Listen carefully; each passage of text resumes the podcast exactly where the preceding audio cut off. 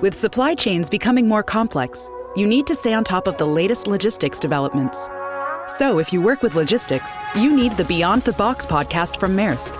It's the easy way to keep up to date with everything from digital disruption in logistics to the need for supply chain resilience in today's market. Find out more and keep ahead of the game with the Beyond the Box podcast on logistics insights at maersk.com/insights.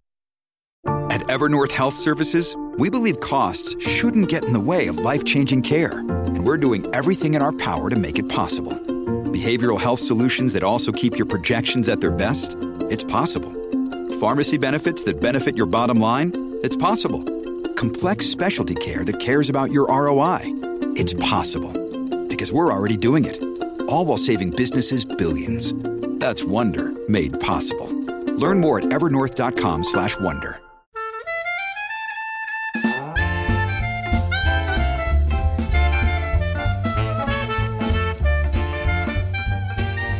Hej och välkommen till Konditionspodden. Du har rattat in det sjuttonde avsnittet i säsong två.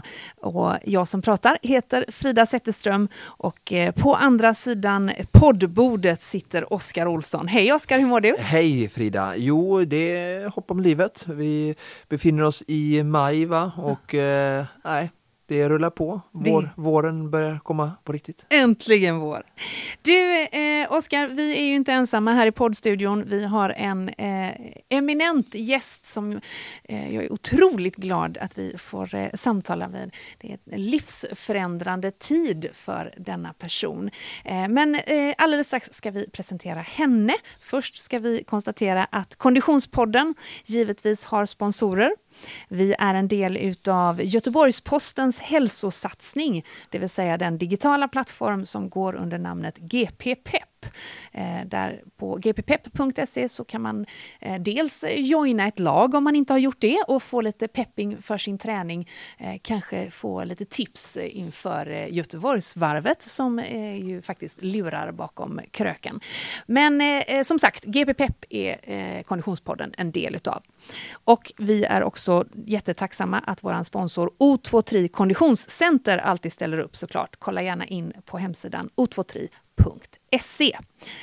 Eh, I förra avsnittet, det som vi träffade Jim Berg, så eh, döpte jag ju om nästa rubrik, Oskar. Mm. Eh, vi har ju nu eh, då lämnat eh, veckans träning eh, och gått över till veckans svetthöjdpunkt ja. för att belysa ett tillfälle. Gud så salt höll jag på att säga.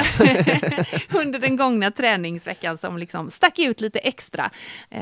Jag vill också passa på att uppmana våra lyssnare att interagera med oss gör gärna det via Facebook eller eh, Instagram. Konditionspodden heter vi mycket, pedagogiskt i alla sociala medier. får man gärna belysa sin eh, svetthöjdpunkt. Om ja, man vill. precis. Med bild då? Eller? Gärna med bild. Gärna bild. Vi gillar bild. Ja. Eh, jag är väldigt, väldigt glad att det inte finns någon bild på min svetthöjdpunkt. Ska jag börja?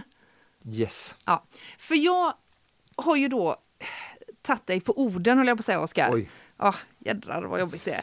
Eh, ja, för Konditionspodden, trogna lyssnare, så, så vet man kanske att eh, roddmaskinen är, om inte min bästa vän, det är det verkligen inte, men det är åtminstone en relativt kär, kär följeslagare på gymmet i Kungälv där jag hänger. Eh, och jag brukar köra 5000 meter i följd. Eh, det brukar då som sagt ta ungefär 27 minuter och sen går jag hem efter jag har stretchat lite. Och, och, och, förra veckan, eller för några veckor sedan, så sa du till mig att lägg av.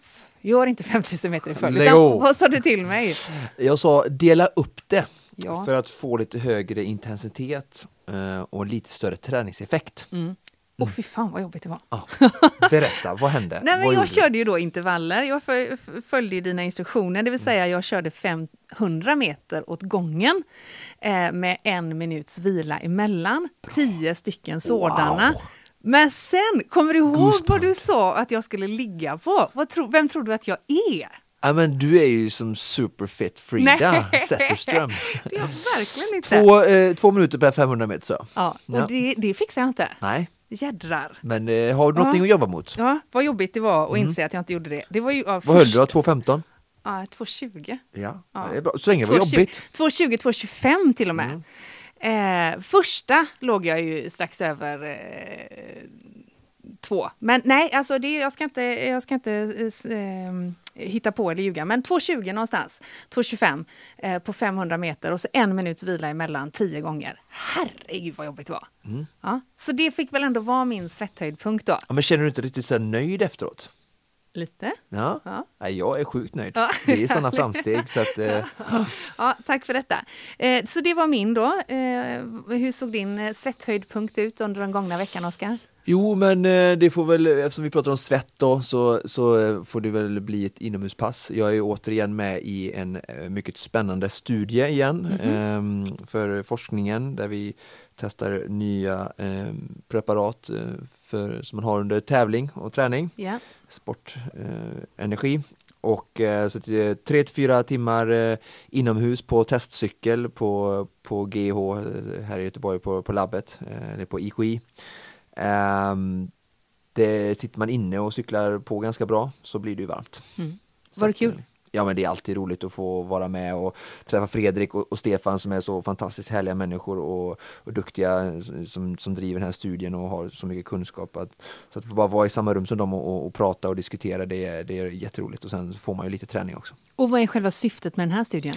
Att se, det är ny, ny nutrition som kommer och, och se effekter och, och positiva saker då. Så det är därför jag har min, den här, de här månaderna nu utan socker då för att eh, man ska kunna se blodet och utandningen eh, helt oberoende då så att det inte finns något socker som stör utan man, kan, man är mer ren då så att det är lättare att se detta. Så tre till fyra eh, timmars eh, cykling på testcykel alltså?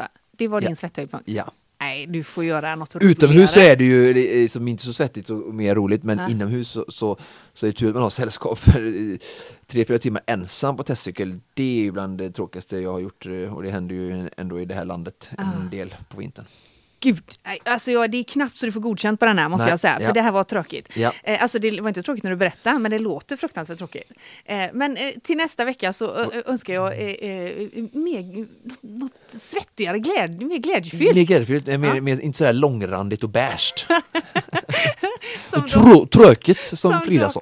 Som är en fantastisk grundförutsättning för att ha bra kondition, vilket ju ingen kan beskylla dig för att inte ha. Jag ska ta med den här programpunkten in i min träningsplanering. Det låter bra det.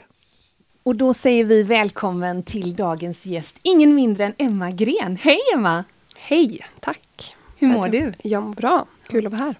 Du, det, det, är verkligen en ära att få ha dig här och vi har liksom fått fånga dig här nu precis i avslutet. Det är eh, ganska exakt två månader sedan eh, mm. som du hoppade ditt eh, eh sista mästerskap. Eh, ditt tjugonde i ordningen i Belgrad. Ja. Eh, och det som också blev ditt sista. Hur mår du idag? Jag mår bra. Det känns... Um, ja, det går fort. Två månader. Det, det känns väldigt um, ja, naturligt att ha slutat och samtidigt um, ja, men konstigt att den, uh, den delen av livet är över på något sätt. Mm. Och en, uh, ja, men en frihet att få kunna träna och göra vad man vill med sin kropp. Det, det, det här med din kropp, mm. som ju i intervjuer kring ditt avslut har fått bli som en egen person. Du har pratat om din kropp i tredje person. Mm. Att den faktiskt inte ville längre. Nej. Hur länge har den egentligen inte velat vara med? Eh, ja, det vet jag inte. Det är en bra fråga.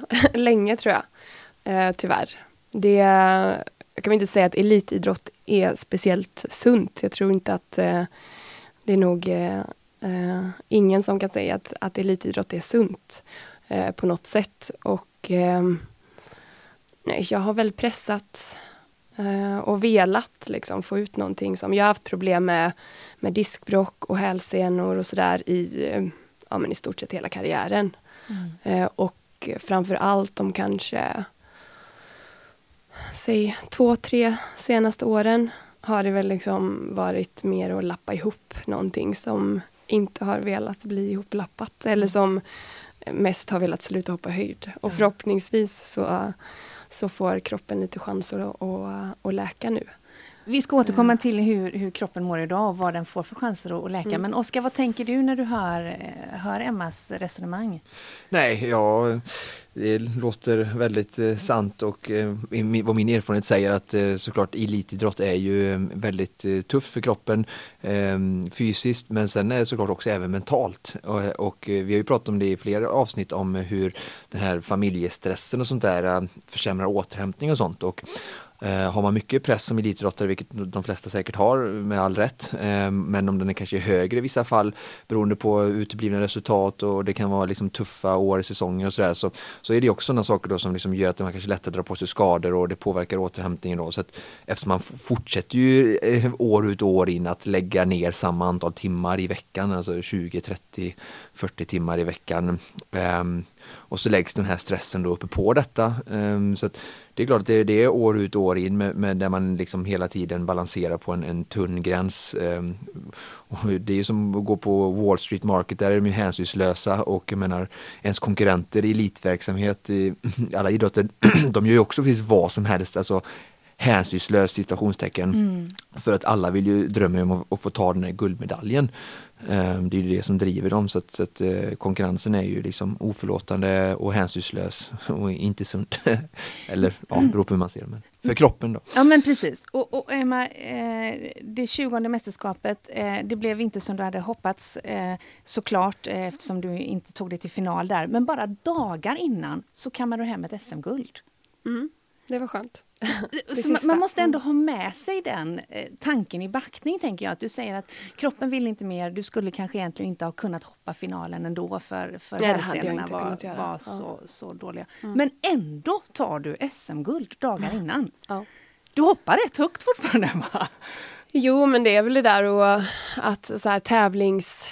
Alltså dels, okej, okay, jag har ju en mycket högre kapacitet. Om kroppen hade varit okej okay, liksom, ja. eller bra, då hade jag kunnat hoppa jättemycket högre. För att och det är väl också det som är liksom grejen att jag vill ju inte hoppa höjd, alltså jag hade kunnat hoppa höjd nu också mm. men jag, hade inte, jag kan inte hoppa så högt som jag vill. Eh, och det är väl det som också är grejen att du, jag förväntar ju mig inte att hoppa 1,87 eller 1,90. Jag vill ju hoppa två meter. Mm. Och det, det klarar inte min kropp och det har den inte gjort på ett tag nu. Eh, så att eh, jättekul att ta, få ta det där sista SM-guldet och, och liksom... Eh, Vilket SM i ordningen var det? Du gjorde, Oj, du gjorde första när du var 15 och haft en ja. skadesäsong mm. helt. Så det borde ge dig 16 då kanske? Ja, det, ja kan, jag tror att jag har 18 medaljer men det är liksom lite blandat och olika valörer. Men nej, jag, där har jag faktiskt tappat räkningen. det har jag släppt. men, eh, men eh, Nej men det var, det var super, även om det var, inte blev som jag ville och hade hoppats på den här inomhussäsongen och det här avslutet så blev det fantastiskt alltså fint bara för liksom avrundning och få göra ett sista internationellt mästerskap, även om EM inte blev så som jag hade velat och hoppats och drömt om, så blev det liksom på något sätt en sån här, en symbol ändå för allt jag har gjort, att jag verkligen har älskat att tävla på mästerskap, bara få uppleva och känna att bara gå in i den mentala eh, bubblan igen liksom och bara och få inse att och förstå varför jag har gjort det. Mm. För det är verkligen så häftigt och underbart att bara känna hur kroppen är i form och hur man mentalt bara går in i och ska prestera när det verkligen gäller. Och sen så blev det liksom uppenbarade sig igen för mig att men kroppen det spelar ingen roll hur bra form jag är i övrigt så, ja, nu var det hälsan denna gången som, mm. som strulade. Ryggen kändes ganska bra men då blev det bara igen sådär svart på vitt att ja, det spelar ingen roll hur mycket jag vill. Min kropp vill liksom ändå inte och då, då vill ju inte huvudet heller. Då vill man ju bara, då vill man ju bara gå därifrån. Mm. Och sen så ha, finns det ju den här tävlingsmänniskan som bara liksom ja, men, tar över allting som jag kan inte riktigt säga vad, alltså den bara finns där så starkt så att även om jag Alltså förnuftet säger att bara, alltså jag, vill, jag vill bara gå härifrån. Det finns, jag vill inte vara här. Nej. Jag vill inte vara här. Jag vill bara riva ut mig nu. Kan jag inte bara få riva ut mig så jag kan gå härifrån? För jag kan inte gå därifrån liksom frivilligt. Det var förnuftet liksom inte, Emma som sa det. var förnuftet Emma. Ja. Och sen så kommer tävlingsdjävulen liksom när man står där på ansatsmärket och då är det bara så här. Jag tycker hon kan få vara Emma också faktiskt. Jo hon är ja. ju det men ja. Det är, ja det är klart ja. det är en del av mig men inte förnuftet utan det är ju den personen som har drivit mig och som är kanske störst del av mig. Mm. Vi ska återkomma till henne, till den delen av dig som är tävlingskraften. Mm. Men hur bra är du och, och, och kom, kroppen kompisar idag? Hur, eh, hur mycket har du mm. försonats med denna eh, tredje person? Mm. Nej, men jag har nog alltid varit försonad med den. Eh, absolut, det måste man ju vara. Mm. Det ju, handlar ju verkligen om att, att, vara, att vara närvarande i kroppen. Um, men sen så kan jag ju ha varit alltså, trött och frustrerad på att, att jag gör alltså, tycker att jag tränar smart. Det där med att träna så, så många timmar i veckan senaste åren har jag kört liksom, senaste året nu har vi kört um, ja, men jag tränar tufft en dag, två dagar, i princip vila, tränar tufft en dag, två dagar vila, alltså sådär i mm. cykler för att det var vad min kropp klarade av. Uh, och sen så ändå så, alltså ibland så när man drar på lite och ska börja tävla och utsätta den för mer så, ja, då går det några gånger men sen så, så funkar det inte. För det var, ja men det var det som var grejen också, att, att, att hela tiden pusha sig själv för att man tror att det är det som, som krävs. Eh, nu har jag ju tränat i liksom hela livet så man måste ju komma till en viss nivå för att kunna dra ner på träningen. Ja. Men det är också det där som du, som du sa, nämnde tidigare att ja, men stressen någonstans att veta att eller del, dels från sig själv att förstå att om jag ska ta mig till toppen då krävs det ju att jag gör vissa saker. Då behöver jag hoppa, jag behöver lyfta vissa saker, jag behöver vara i höjdhopp, behöver kanske tappa några kilon för att vara lätt. Um, Sen så har du dina konkurrenter som kanske inte är skadade. Du har ju hela tiden ja. en Ja, du vet ju, det är inte som att jag, jag har hållit på med detta i så många år så att jag vet ju om jag ska till toppen då vet jag ju vad som krävs. Ja. Eh, och då kommer ju den frustrationen in i det hela också. Mm. Så att på något sätt har det senaste tiden blivit så himla mycket mer ett mentalt och psykiskt liksom bara utmaning att, att vara nöjd och vara, förstå vad kan jag påverka, vad gör det bästa, absolut, absolut bästa med de förutsättningarna som jag har och liksom acceptera det läget.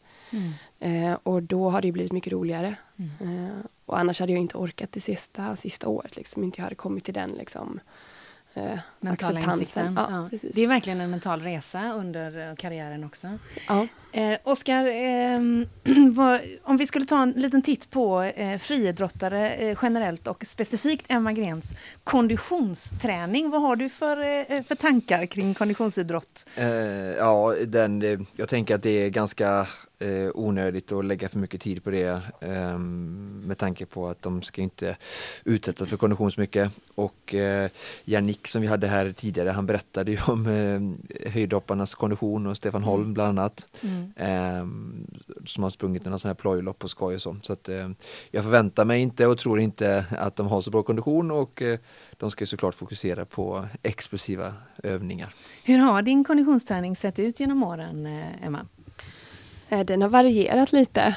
Ehm, men nej, det är inget större fokus på, på kondis kan man inte säga. Det är som, som du säger att det handlar ju om att vara explosiv och eh, snabb. Så det är oftast två repetitioner på ganska tunga vikter eller eh, hopp som är liksom max med mycket vila. Eh, men i perioder har vi ju lagt ner lite mer eh, fokus kanske för att liksom ja, men periodisera lite granna för att man har kört några år lite mer fokus bara på, på explosivitet och behöver få ett litet avbrott där och så kanske i, ja, men i uppbyggnadsfasen då mm.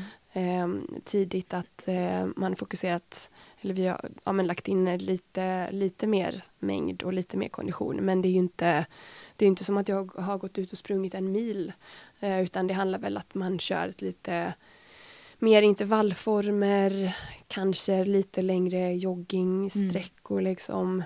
Men, och jag, jag känner ju det också, jag älskar att springa och, men det handlar ju mer om att springa kortare och snabbare. Mm. Eh, och jag vill ju helst att, att det bara ska vara över. jag går till träningen och bara, ja, när är vi klara? Nej men jag, det är för, så att det känner jag lite nu också, jag gillar att gå ut och springa men jag kan inte se mig själv alltså springa en mil och längre, det känns så långt borta. Jag, jag får ju, nej, det... Um, du är ingen, det, nej, men sen har jag också som jag tänkte komma till, Mm. jag har ju tränat på det här explosiva, snabba, Ja. att liksom prestera så himla länge så det har väl också närt den personligheten i, i mig själv liksom att ja, papp, papp, papp och sen är det klart. Mm. Eh, så att ehm, ja, det, nej. Eh, sen så tror jag ändå att jag har, om jag, fast det krävs ju träning och mycket träning såklart eftersom jag så länge har kört extremt mycket explosivt. Men jag tror ju eh, att jag har ändå ganska bra talang för det om jag skulle tränat på det. Men då krävs det ju det också, att man tränar på det. Ja om vi tittar lite på hur eh, träningsframtiden ser ut. Nu ska vi Mm. verkligen ha med i åtanke att det här är som om det var i förrgår. eh, som, som du gjorde eh, 20 mästerskapet i Belgrad. Mm. Eh, för vi, med ett livskarriär eh, summering Ja. på två månader går naturligtvis inte att göra. Men, men jag antar att du ändå, jag vet att du har varit på Bali Mm. och du yogar en hel del. Ehm, hur ser, ser du på din träningsframtid? För det här är ju något av en ganska dramatisk brytpunkt för alla Mm. er som har varit i den absoluta toppen. Ja, ehm, men jag tror att jag har varit ganska så väl och bra förberedd Mm. på att dels, egentligen hade jag nog bestämt mig för att sluta efter sommaren. Eh, men så fick jag en liten bristning i hälsenan precis innan sommaren och kunde inte ja, men göra mig själv rättvis och kvala inte för- till... förra sommaren, inför sommaren, OS. precis, inför OS. Precis. Kunde inte liksom... Jag var jättenära att, kvala men det, det gick liksom inte, jag hade för ont. Eh, så då kändes det väldigt snopet att Mm. lägga av på något sätt. Eh, för jag fick liksom inte valuta för någonting av allt. Eh, jag fick inte ut någonting alls. Men om vi tar oss Så tillbaka då- dit. Vi tar oss tillbaka Ja. till eh, sommaren 2016. Eh, medierna håsade upp dig kring som ett av OS-hoppen trots allt. Mm. Eh, och bristningen i hälsenan gjorde att, att du inte kvalade till, till Rio. Mm. Va, va, hur gick dina tankegångar där? Hur många gånger tänkte du nu, nu, nu är det färdigt? Men jag fick i princip, jag ehm, precis innan, ja men kanske, nej lite senare än så här. Nej det var kanske var ungefär det här, nu är det nästan maj. Skulle väl börja tävla slutet på maj, början på juni. Eh, och min ena hälsena ville liksom inte, den jag väldigt sällan brukar ha problem i. eh, den ville liksom inte ge sig, det gjorde bara ondare och ondare. Och jag kunde inte börja hoppa.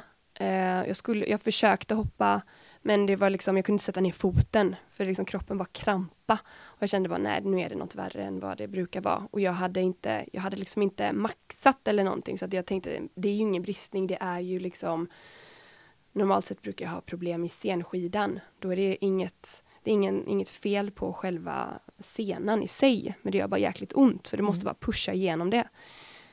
Men det funkade liksom inte den eh, strategin. Så jag gjorde en, eh, en MR och det visade att det var en liten bristning i mitten på senan. Eh, och jag fick väl egentligen diagnosen för, för det här att eh, det kommer ta ett år eh, minst innan det här läker. Vi kan, kan inte operera det nu, det är för tajt in på OS. Eh, det förstod jag också. Eh, då var jag så här själv med massa läkare i rummet, ja, specialister på skälsenor i Sverige och jag bara okej. Ja, nej men det här blir bra. Eh, okej, ja, mm, nej. Och sen så, ja men det kän- känns det okej? En liten dunk på axeln va? Ja, det, det känns bra. Bara gå ner till träningen dagen efter. bara, Men jag kör bål, det blir bra. Det, det, här, det här blir bra. Och sen så bara, ja, men du, du kan ju testa att åka ner till Tyskland, sa de till mig. Just det. För jag har varit i Tyskland när allting annat liksom. Specialistläkaren. Ja, då Som bara, okej Usain jag åker ner till, till. Ja, Ja. precis. Och eh, jättemånga andra. Då, och jag har varit där sedan ja, men 2010. Mm. Eh, minst två gånger om året. Mm. Vilket Minst. säger lite om... Ja. om ja. Så jag bara tänkte, ah, okej då, jag, jag får ju dra ner till Tyskland liksom. Ehm, så, men jag hade ju inte jättestora förhoppningar liksom. Men ehm, med lite specialbehandling där nere. Eh, de har lite tuffare behandlingsmetoder än vad vi har här i Sverige.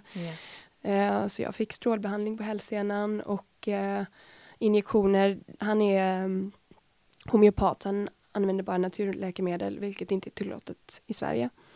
Eh, för det har ingen, ja, Dokumenterad ja effekt. precis. Så det är inget, inga konstigheter, men eh, ja, så jag åkte dit ner, fick de här behandlingarna och sen så skulle jag vila i sex veckor. Men jag hade inte sex veckor, Nej. så att jag hade två och en halv. Eh, så jag vilar i två och en halv. Det är så svårt att flytta på OS. ja, typ, snälla skulle ni kunna? Nej, inte i år. Så fick jag förhandla lite med SOK. Så de, de gjorde lite, ja men jag fick lite uppskov på, på kval. Eh, sådär. Men eh, nej, tiden var ändå för knapp. Liksom. Mm. Jag, hade inte, jag hade inte hopptränat sen, jag gjorde, kunde göra några tävlingar inomhus. Mm. På den, jag hade liksom inte hoppat någonting. Så att jag hoppade 1,90 och var jättenära på 93 och 93 var kvalgränsen. Ja. Gjorde tre, tre eller, ja, väldigt tajta tre eller fyra tävlingar. Men eh, nej, jag fick kroppen eh, som sagt, ville inte riktigt där. Men du samlade ändå kraft där under liksom sensommaren och hösten och bestämde mm. dig för att göra en satsning på 2017? Ja, jag kan säga att jag fick ett så jäkla skönt hopp på någon av de tävlingarna som jag bara, åh herregud, så här. Det kan, vara, kan det vara så här skönt att ja, hoppa? Ja.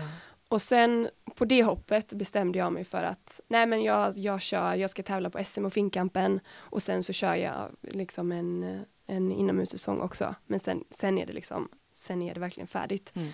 Sen var SM och Finkampen var fruktansvärda, då ville jag ju bara sluta. Mm. Men då kände jag att nej men jag har ändå sagt att jag ska och till mig själv och jag vill inte ta beslutet när, det liksom, när man är på botten. Ja, och sen så fick vi tänka om lite där igen då som sagt och dra ner på träningen ännu mer och, och fokusera på, på rätt saker liksom och mm, mm. skala av och mycket återhämtning för att hälsenorna och ryggen och allting skulle få återhämtning däremellan och sådär. Mm. Om vi fokuserar lite på just återhämtning eh, under dels din aktiva karriär men också hur man kan applicera det eh, som, mm. som motionär. Vad, vad, har varit dina trick för återhämtning? Om vi då inte tänker på specifika skador och den behandling utan mer eh, för kroppen generellt. Eh, för mig har det handlat mest om, alltså jag tror att den, den fysiska återhämtningen har inte liksom varit för jag är inte så här super Alltså många som håller på med idrott känns ju som att de, de kan ju aldrig sitta still liksom. Så det har inte egentligen varit mitt problem. Så det känns som att eh, det är lugnt. Mm. Men för mig handlar det nog mer liksom den mentala återhämtningen. Att ja. inte hela tiden, för att jag är så extremt alltså, perfektionist och duktig flicka och allting ska vara så jäkla bra alltid. Allt, allt, allt ska vara perfekt. Um, så för mig har det mest handlat om att, och för att jag egentligen inte är super, alltså jag är inte super så här nördig, sportintresserad, siffror. Jag är extrem tävlingsmänniska så att friidrotten är ju, den är ju liksom optimal för du har allting på siffror. Vilket både gott och ont liksom, för du kan mm. ju alltid du kan ju alltid misslyckas. Mm, eh, men du kan också alltid hitta på nya saker som du kan liksom, du kan, så här, du kan alltid lura dig till att bara, men nu är jag... Så att man får hitta sådana saker. Mm. Men utanför idrotten har det ju handlat om att göra andra saker som jag trivs med. Umgås med familj och vänner som inte har något med, med idrotten eller värdera mig i idrotts eh, liksom prestationer. Um, inredning, mat, blommor, ja, så kreativa saker, uh, foto. Mm ja, men allting som bara har trollat bort och jag får tänka på något annat istället för att älta att fasen idag så tog jag inte den höjden eller jag skulle gjort det här och det här. Eh, för det har liksom funnits där så naturligt ändå. Mm. Vad tänker du när du hör det här Oskar? Är det här någonting som många missar tror du? Att lägga tid på annat? Ja precis. Um, man, jag tror det är lite skillnad på elitidrottare och på våra motionärer. De får nog kanske de här naturliga mentala avbräcken mm. automatiskt i livet för att de har familj och jobb och sånt som hela tiden gör att de får något annat att tänka på.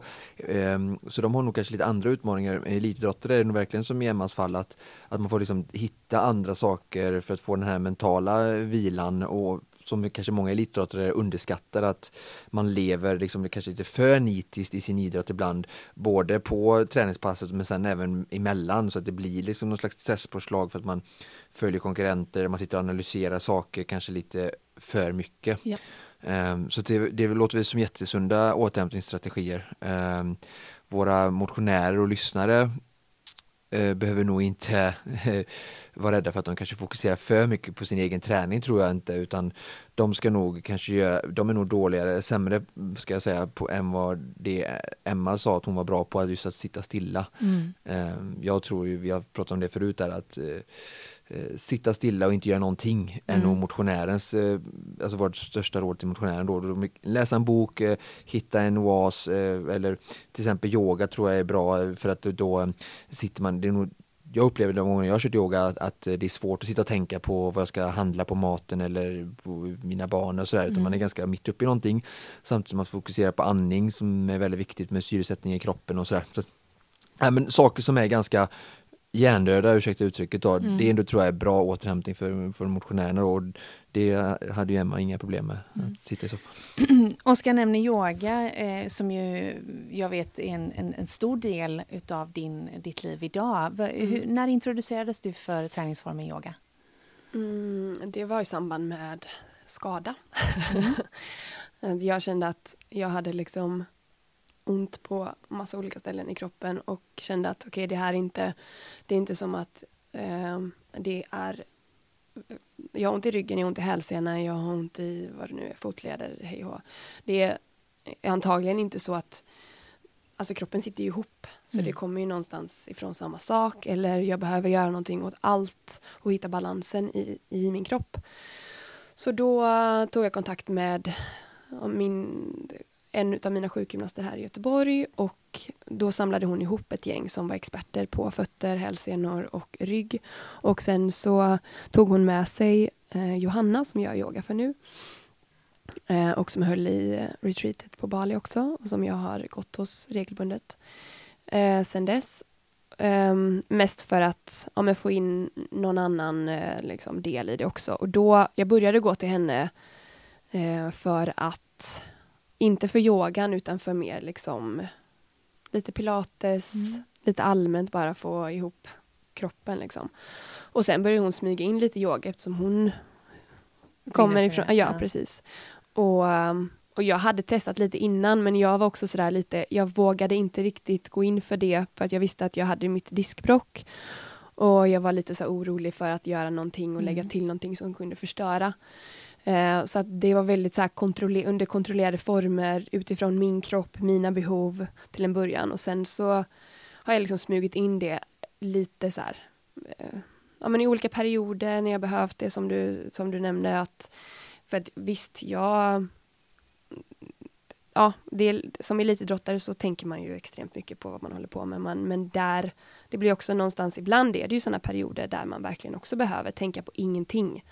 Eh, och det finns en stress hela tiden liksom, i press från sig själv och utifrån och bara snurra. Liksom. Mm. Och när det inte hjälper eh, med något annat än att bara eh, ja, man vill i alla fall bara andas och sådär men det är, inte, det, är inte, det är en stor utmaning så att yogan har ju varit eh, jättebra sätt för det liksom att eh, att hitta balansen i när det har varit tufft i olika situationer i livet, både idrottsligt och eh, andra saker. Då mm. har ju yogan varit mitt så här, ankare och komplement till, eh, till den vanliga träningen. Men sen har jag liksom lagt det på en, en ganska så här ja, eftersom jag har haft fokus på, på, eh, på höjdhoppet så har inte jag bara djupdykt in i yogan så. Och nu så känner jag ju att nu kan jag ju få göra det hur mycket jag vill. Nu är den dörren öppen. Ja, ja. Mm. Du, eh, om vi tittar lite på, på kosthållning eh, mm. under din aktiva karriär och eh, under din kommande eh, ja. motionskarriär. ja. Du kallar dig för övrigt för höjdhoppspensionär, vilket jag tycker är ett fantastiskt uttryck. Eh, hur, hur, hur, såg, hur såg din kosthållning ut och hur stor del av din tid har du liksom lagt på att planera den? Mm, jättemycket och där kan jag nog säga att om det är någonstans jag har behövt att ha eh, typ avkoppling ifrån, då har det ju varit att man inte tänker på det för att på någonstans i, i den här Alltså dels friidrottsvärlden, prestationsvärlden i, inom höjdhoppet. Då handlar det ju extremt mycket om att vara lätt, tyvärr. Ja. Det handlar inte om att, vara, att jag ska vara, väga lite och gå ner i vikt för att jag ska vara snygg se bra ut, att man ska se magrutor Alltså det handlar inte om det, utan det handlar om att det är fakta. Så jäkla mycket lättare att hoppa höger om du är lätt, tyvärr. Det ja. finns ingen genväg till det. Sen absolut, behöver du energi för att återhämta dig, att inte skada dig, Ja, och sen vet jag inte. Det Nej. kanske är så att jag har skadat mig för att ehm, i perioder har jag pressat mig själv. Liksom, alldeles. Ja, ja. ing, det vet jag inte. Eh, men jag, jag tycker ändå att jag har varit bra på att balansera det. Ibland har det varit skittufft mentalt Mm. att liksom pressa sig och gå ner de där kilorna som man absolut inte orkar mentalt. Mm. Liksom, att eh, skärpa sig och det handlar tyvärr, som sagt, det är samma sak igen. Det är elitidrott, det är inte sunt. Så det är inte som att ah, jag behöver dra ner lite på inte äta godis. Eh, liksom, utan det är så här, Det är inte den nivån. Typiskt, nej jag kan inte ta ett äpple nu för att jag är skithungrig men jag får vänta. Det är liksom, jag har ätit min lunch idag. Ehm, Ja. och det är ju otroligt skönt att slippa och jag har ju också de senaste åren eh, när det har varit mycket skador så har jag bara insett att jag orkar inte pusha mig själv så som jag har gjort eh, vissa säsonger när jag kanske har varit som bäst. För jag har, inte, jag har inte den mentala kraften till det just nu. Det får, det får bara vara. Liksom. Jag, får vara jag måste försöka vara snäll mot mig själv. Skitsvårt att vara det också för du, som jag pratade om innan, du vet vad du bör vara för att kunna prestera på absolut topp och du vet att mm, jag gör inte riktigt det nu men ja, försöka liksom Exakt. hitta vad kan jag göra? Vad, försöka vara snäll mot sig själv och inse vad kan jag göra från där jag är nu, liksom. både mentalt, fysiskt, vad, vad är jag, vad kan jag, vad har jag att jobba med liksom. Så att eh, ja, det har varit eh, väldigt intressant och jag eh, Även om det har varit kanske bland det tuffaste tycker jag Med kosthållningen med kosthållningen eller Ja. liksom att eh, pressa sig själv så på det Mm. sättet för att jag älskar, tycker det är jättekul och spännande med mat så är det ändå jäkligt häftigt vad man kan göra med sin kropp. Ja. Vad man kan, alltså både vad man tränar, vad man stoppar i sig, återhämtning. Alltså det är en sån cool liksom, resa från att vara alltså, supernedtränad, ganska tung, alltså Mm. då tänker jag inte liksom att jag, man är tjock, Nej. utan att man är tung i kroppen för all träning, kanske gått upp, alltså gått upp muskler och Ja. sådär. Och sen så till att bli i toppform när huvudet och allting är liksom i, i eh, balans och man är i eh, form både i kroppen och mentalt. Liksom. Det är jäkligt, ja så himla, det är så häftigt. Mm. Eh, och det är så, alltså, det är så stor skillnad var man befinner sig mentalt i dem. Mm. Och jag som är Var är du nu? extremt, Nej men jag är så här, jag, är- så jag är sån extrem känslomänniska så jag har väldigt svårt liksom att jag är väldigt mycket där jag är och med hur, där jag är i kroppen är jag också mentalt. Ehm, nej men nu är jag, det är skönt att inte ha den, de extrema kraven och då känner jag ju också att jag vill ju ta hand om mig själv, jag vill Mm. träna, jag vill äta bra. Eh, jag börjar äta mycket mer ehm, vegetariskt. Mm. Eh, Det känns mycket lättare att göra det när jag vet att om jag ska inte prestera på det sättet. Jag har haft, ja, men varit hos dietister som också sagt att du kanske behöver äta mer av animaliskt eh, Ja. protein och sådär Under din aktiva... under min aktiva Mm. karriär. Eh, för att när man pressar sig så hårt liksom. Mm. Eh, men nu så behöver man inte göra det så nu kan jag lite grann få göra, experimentera och göra vad jag vill och då helt plötsligt så känner jag att det finns en helt annan energi Ja. och, och vilja till det. För nu är det liksom inte, nu är inte någon press utan jag får bara välja om jag Mm. vill det. Och jag vet ju att jag mår mycket bättre om jag äter bra och tillräckligt. Du ser ut att må väldigt bra, Emma.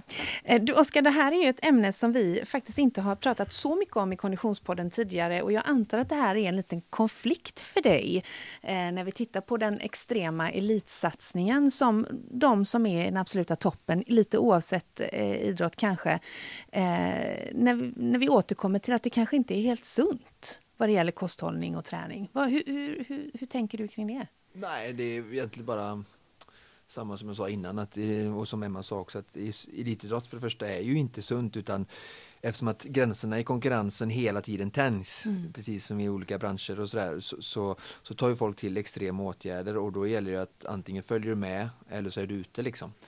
Ehm, och då inne, och ska man hoppa eller springa 3000 meter så menar ett kilo är ju extremt mycket. Ehm, så kan du gå ner det så är det väldigt bra och ehm, jag har själv experimenterat med min egen kropp eh, och, eh, och jag vet hur, hur de har det elitidrottare så att eh, det är ett kilo låter inte så mycket för Svensson men ett kilo kan vara väldigt mycket om man och går ner om man är liksom på redan någonstans mellan ja, 6-7% för herrar och, och kanske 10-12 eh, kroppsfett för, för damer. Ehm, så, så är det tufft. Så att, eh, och det har ju konflikt, eh, absolut. Jag, jag, det är ju som bara teori och sådär. Jag skulle vilja att man kanske kunde tittat på jag kan tänka mig så att många elitidrottare eh, tror jag, det här är bara en, en gissning, men eh, jag tror att man liksom, eh, mentalt inte riktigt orkar vara fit hela året om. Så att man fittar till sig lite i, i, i närheten av tävlingsperioden. Yeah. och oftast då liksom, är det parallellt med när man liksom också trappar upp och, och försöker form, toppa formen. Eh, och det ökar med stress och press inför tävlingar och sånt där. Ehm, så jag skulle hellre vilja sett liksom att man gjorde en periodisering där med vikten också och testat liksom, kan man, skulle man kunna, man, ja, men, man får ju testa det här såklart men var och en och det är väldigt genetiskt ska vi säga också till våra lyssnare detta. Ehm, men, ja, men jag vill, ska hoppa, Emma säger hon vill väga 61 säger vi kanske, eh, vad det nu kan vara där någonstans, eh, när hon ska ha tävla. Mm. Eh, och så kanske man försöker nå den vikten två månader innan eh, tävlingsperioden mm. börjar. Eh, för att liksom, eh, ja, jag, Nej, vad roligt. För att det inte man ska liksom sätta den pressen, pressen så nära, ja, ihop med tävlingar då. För att det är klart att, att det är väldigt svårt, det är svårt att få prestation i samband samband med en pågående viktnedgång, mm. så är det ju. Och det är framförallt för att när man är så aktiv så, och äter en ganska låg kost så är det svårt att få i sig rekommenderat intag på vitaminer, mineraler eh, och aminosyror och sådär som är viktigt då. Så det är en svår kombination, alltså viktnedgång och prestationstillväxt eller ökning rimmar ju dåligt såklart. Mm.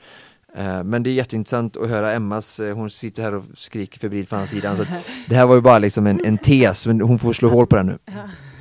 Men det tror jag också beror på vad man håller på med för idrott, för just, eller vilken gren, för nu vet jag, kan jag bara tala till, till friidrotten. Det är ju en, det är en jättestor skillnad att hålla på med till exempel, ja, men om du ska väga in dig och du liksom ska deffa ner dig för en match. För en match liksom. liksom. Och sen så kan du bara, du väger in dig.